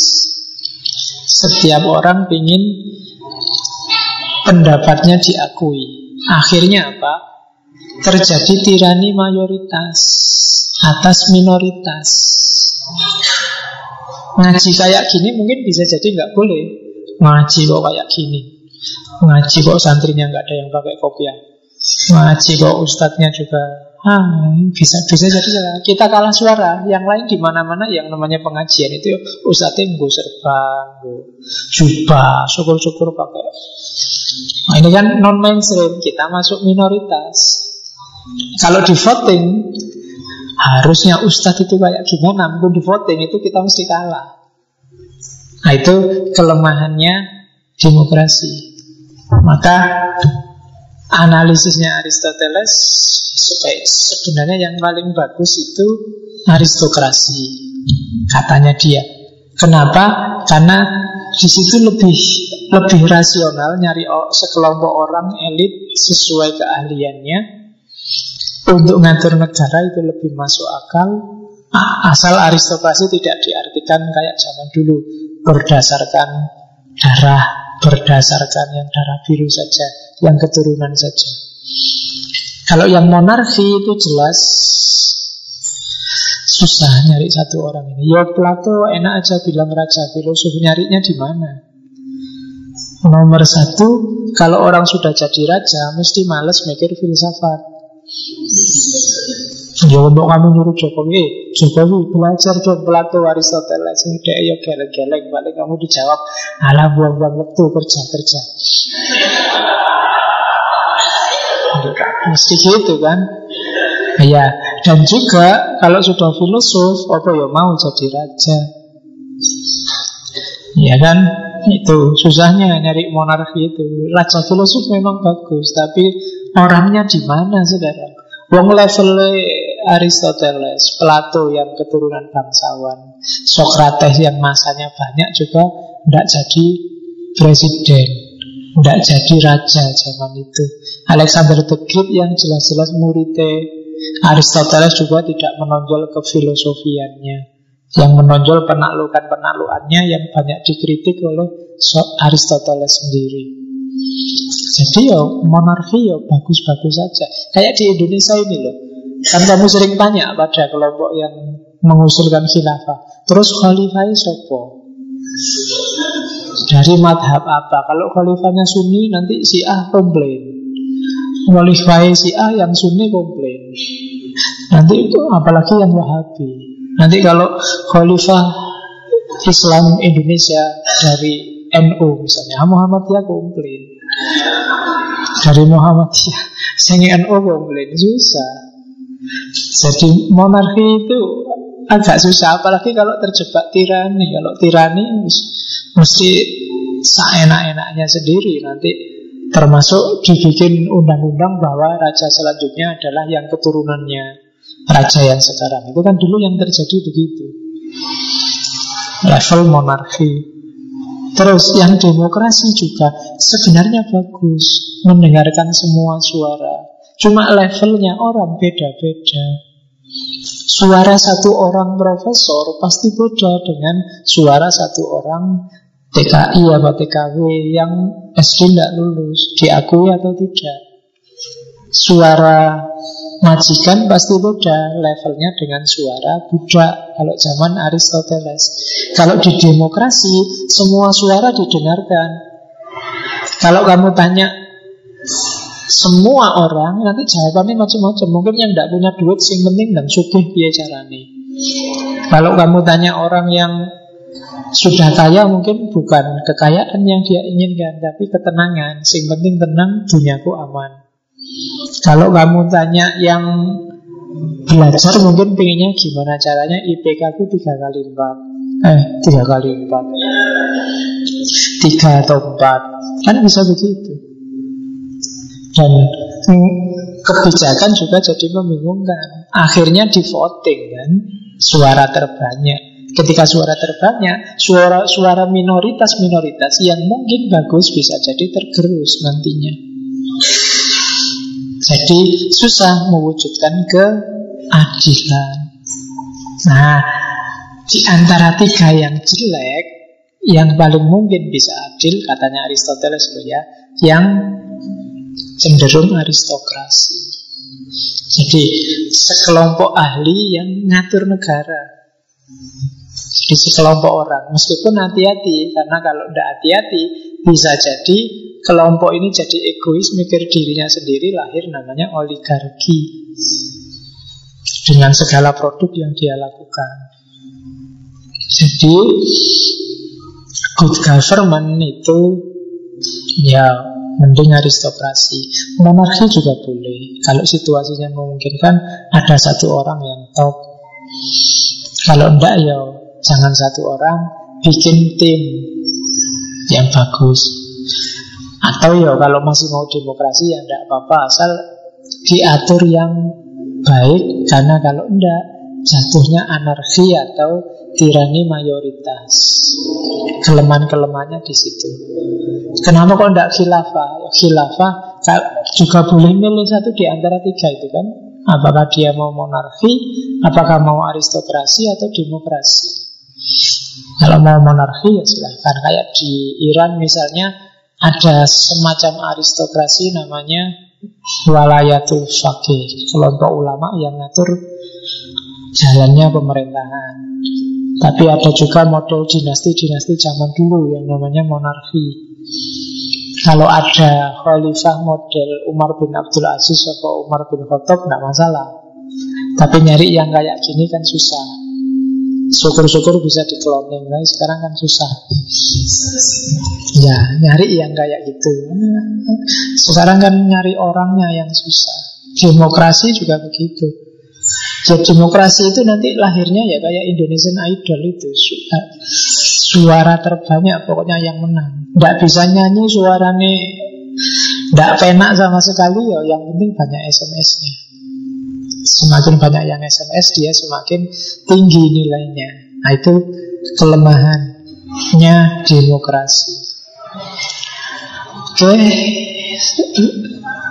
Selesai Saya kira itu ya. Saya sebenarnya ingin mulai ingin menyelesaikan lebih cepat Karena takbirnya sudah menjanjikan Sisa-sisa pengorbanan.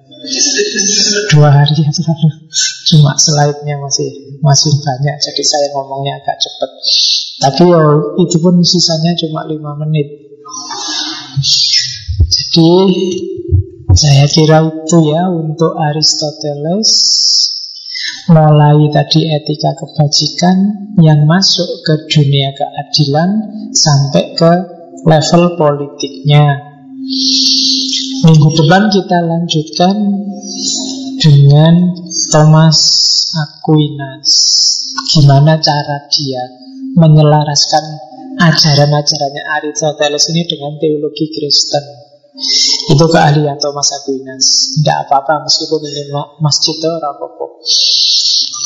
Jangankan yang Kristen, kemarin yang ateis ya dibahas dengan santainya. Oke, jadi Ketemu lagi minggu depan Kurang lebihnya mohon maaf Wallahu muwafiq Wallahu a'lam bisawab Wassalamualaikum warahmatullahi wabarakatuh Amen.